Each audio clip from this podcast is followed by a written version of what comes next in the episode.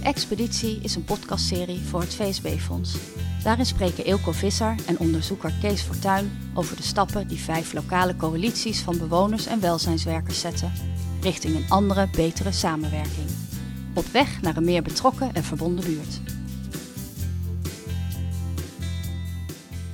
Kees, goedemorgen. Hoi Elko. We zijn hier om de laatste pitstop-sessie in Voorst na te bespreken. In een snack heet uh, Trefpunt Duistervoorde zaten we. We Ja, uh, ja, de 32 graden aan, de, de, de thermometer. Ja. Ehm, ja, wat eigenlijk meteen opviel toen we binnenkwamen... was dat we weer in een redelijk stevig gezelschap waren. ja, dat was nog even. Dat was ook puzzelen, zeg maar. Wie is wie en van Ja. wat en hoe zijn de onderlinge verhoudingen. Ja, dat was een heel gedoe. Ja, ja. Ja, want we hadden daar voor het eerst... eh, ja, in Horst aan de Maas hadden we natuurlijk een, een heel breed gezelschap. Hè?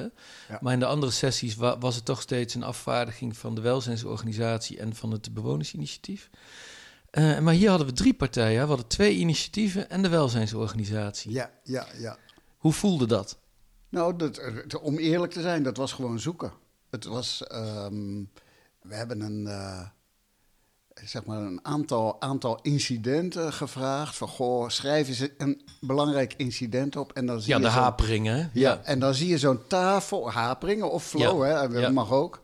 Maar dan zie je zo'n tafel vol liggen en dan ga je sorteren en dan merk je, oh, er is een bestuurlijk behoorlijk complexe situatie eigenlijk. Ja. Er is eh, wat mensen verstaan onder, onder voorbeelden van, van haperingen en van flow.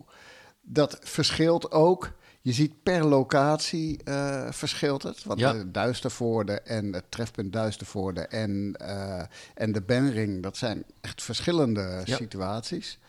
En dan, eh en dan enfin, gaandeweg wordt je duidelijk hoe de verhoudingen ongeveer liggen. Maar het is wezenloos complex eigenlijk. Ja. En complex in de goede zin van het woord overigens. Complex is niet hetzelfde als ingewikkeld, maar complex is wel... Dat is, er werken zoveel verschillende krachten op in... ja. Ehm, dat het eigenlijk moeilijk is om je, om je balans te behouden. Dus je, het is niet zo, weet je, een lichtknopje doe je aan en uit en klaar. Dan weet je wat er gebeurt. Dat Ja. zijn causale mechanismen. Maar eh, in een complexe situatie, eh, dan kan het alle kanten op gaan. Je kunt compleet overspoeld worden door, eh, door de turbulentie, zal ik maar zeggen. Dus dat, dat is veel onvoorspelbaarder. En dan hangt er veel meer vanaf hoe behendig kan je manoeuvreren. Ben, je slim in het bedenken van creatieve oplossingen. Dus het is niet zomaar eh, wat, wat ze dan een algoritme noemen. Zeg maar. je, je, je volgt stap A, B, C, D en dan kom je vanzelf eh, bij de goede oplossing uit. Dat is met complexiteit niet. En dat, daar was dit wel een voorbeeld van. Ja, ja. En ik vond dat je dat wel mooi zag. Op een gegeven moment werd de, de vloer werd in drie vakken verdeeld. Hè? Van, en dan was de vraag van ga nou eens in het vak staan eh, met, hè, met mensen met wie je veel samenwerkt. Ja. En dan zag je toch dat er, er werden partijen helemaal... aan- Er, er- er werd eh, eh, positie gekozen helemaal aan de zijlijn. Er werd op, op het kruispunt van lijntjes. Eh, je zag ook dat de, de werker van de welzijnsorganisatie bij de Benring... die stond al dichter bij de werkers van de Benring dan bij, bij het trefpunt. Hè? Dus daar was de situatie ook al anders. Ja. Dus dat, Ja. dat- ik vond dat wel mooi. Dat, daar, daar zag je het eigenlijk in één oogopslag. eh. Ja, je kon precies zien dat iedereen ook wel een soort positie kiest. ja, Ehm, er, is een, er, is een, er is een plek, zeg maar, die, die voor jou is. En eh, dus mensen kiezen hun positie.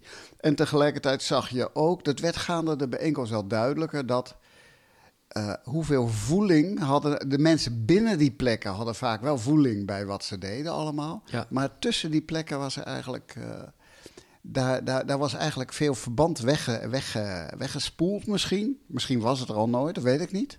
Maar in de bijeenkomst zag je dus dat het verband sterker werd. Omdat mensen van elkaar gingen zien... oh, dus zo zit jij erin. ja. ja, dat vond ik ook echt heel mooi aan deze bijeenkomst. We, we hebben het wel vaker meegemaakt, hè, dat in één keer...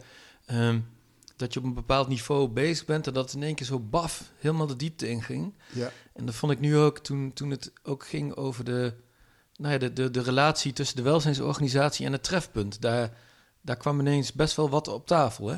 Ja, ja, je ziet, de, en ik denk, het, de, de welzijnsorganisatie is, is daar niet uniek in. Maar welzijnsorganisaties zijn natuurlijk heel erg in het gemeentelijke Ja. opdrachtencircuit getrokken eigenlijk. Eh, ik denk ook wel tegen wil en dank.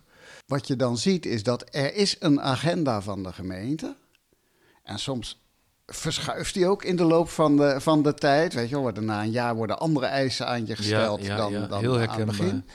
Ja. Eh, die agenda is er, maar als bewonersinitiatief weet je niet dat die er is. Of weet je niet hoe die gesprekken lopen. Dat was met name met het trefpunt Duistervoorde zo. Ja. Want de Benring zat zelf wel aan tafel. Dat is ook nog een groot verschil. Ja. Maar de, de, die agenda van de gemeente had dus invloed op de opstelling van de welzijnsorganisatie.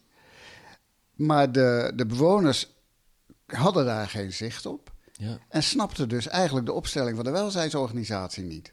Want ja, en dat was ook logisch, daar hadden ze geen zicht op. En dat kwam eigenlijk, eh, eigenlijk boven eh, tafel. En ik denk dat dat een hele eh, positieve uitwerking heeft, ook op de samenwerking. Ja, ja want, want de situatie was eigenlijk hè, dat, dat de koers, de, de, de gemeente die koos een, een, een, een, een bepaalde koers. En in één keer werd heel, sloeg dat heel snel om richting van nou, beste, best trefpunt. We willen gewoon dat jullie zoveel deelnemers hebben en zoveel activiteiten organiseren. Precies. De bekende outputgetallen. Ja, ja, ja. En dan moet je als welzijnsorganisatie, ja, je, je moet maar op de gedachte komen van, goh joh, eh, is dat wel zo handig? We hadden het toch over een bewonersinitiatief. Ja. Dus mogen die bewoners alsjeblieft zelf uitmaken wat voor hun de succescriteria zijn, Ja, nou, waar, waar ze dat aan afmeten.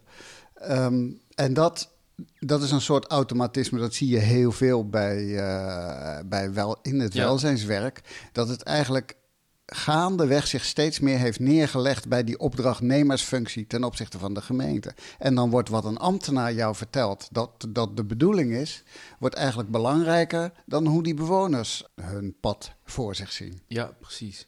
Ja, en, en dat is ook.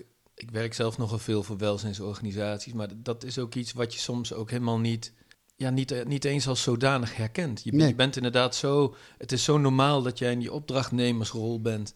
En dat jij inderdaad op die manier. eh, hè, want dat, dat kwadrant kwam natuurlijk weer boven tafel. Dat Ja. heeft al heel wat, eh wat teweeggebracht in de pitstops. Ja. Hè, van namens, met, voor en door. Ja. Dat je dus eigenlijk namens een bewonersinitiatief contact onderhoudt met de gemeente. Terwijl het bewonersinitiatief daar... Die Weet moet dan maar niks. afwachten wat daar de uitkomst van wordt. En, ja. Ja, dat schema, eh, namens, voor, eh, met en door, zeg maar, dat is dus afkomstig uit het ABCD-gedachtegoed.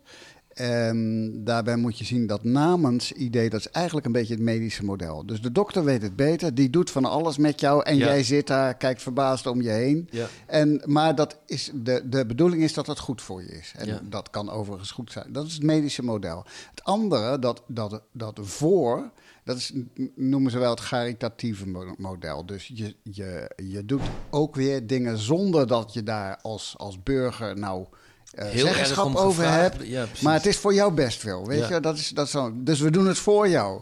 En dan met is, is een soort co-productiemodel. Dat betekent dat je gezamenlijk optrekt.